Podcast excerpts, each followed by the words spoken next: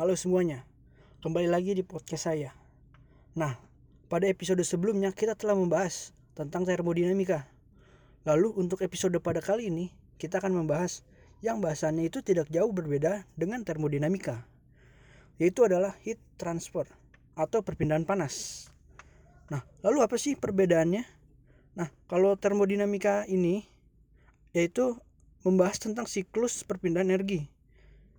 Nah, contohnya seperti siklus Rankine, siklus Carnot, siklus Breton, dan juga siklus refrigerasi. Nah, sedangkan untuk perpindahan panas, kita akan membahas tentang perpindahan panas secara spesifik. Seperti bagaimana panas dapat berpindah. Lalu apa saja macam-macam perpindahan panas. Oke, perpindahan panas adalah proses perpindahan energi termal yang diakibatkan karena ada perbedaan temperatur. Seperti yang kita ketahui, panas dapat berpindah dari suhu yang lebih tinggi menuju suhu yang lebih rendah.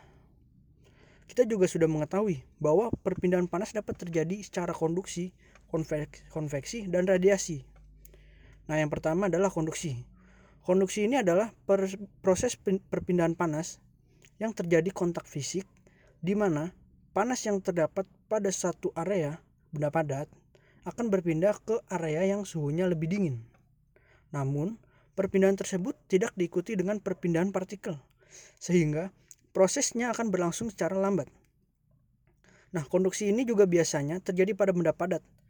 Contohnya seperti knalpot yang menjadi panas saat mesin dihidupkan. Lalu yang selanjutnya adalah konveksi. Konveksi ini adalah proses perpindahan panas yang biasanya terjadi pada fluida yang bisa berupa gas, atau liquid. Nah, proses ini terjadi ketika suhu area liquid atau gas yang lebih panas akan berpindah ke area yang suhunya lebih rendah. Namun, perpindahan ini terjadi lebih cepat dibandingkan dengan konduksi karena diikuti dengan perpindahan partikel. Lalu, yang terakhir adalah radiasi. Nah, radiasi ini adalah perpindahan panas yang terjadi karena adanya gelombang elektromagnetik dengan menggunakan gelombang elektromagnetik, perpindahan panas ini tidak diikuti dengan perpindahan partikel. Dan juga, perpindahan panas ini tidak memerlukan perantara, serta dapat terjadi pada media apa saja, baik liquid, gas, maupun juga padat. Lalu perpindahan panas ini secara radiasi dapat terjadi lebih cepat dari konveksi dan konduksi. Oke, sekian dan terima kasih telah mendengarkan episode kali ini. Sampai jumpa di episode berikutnya.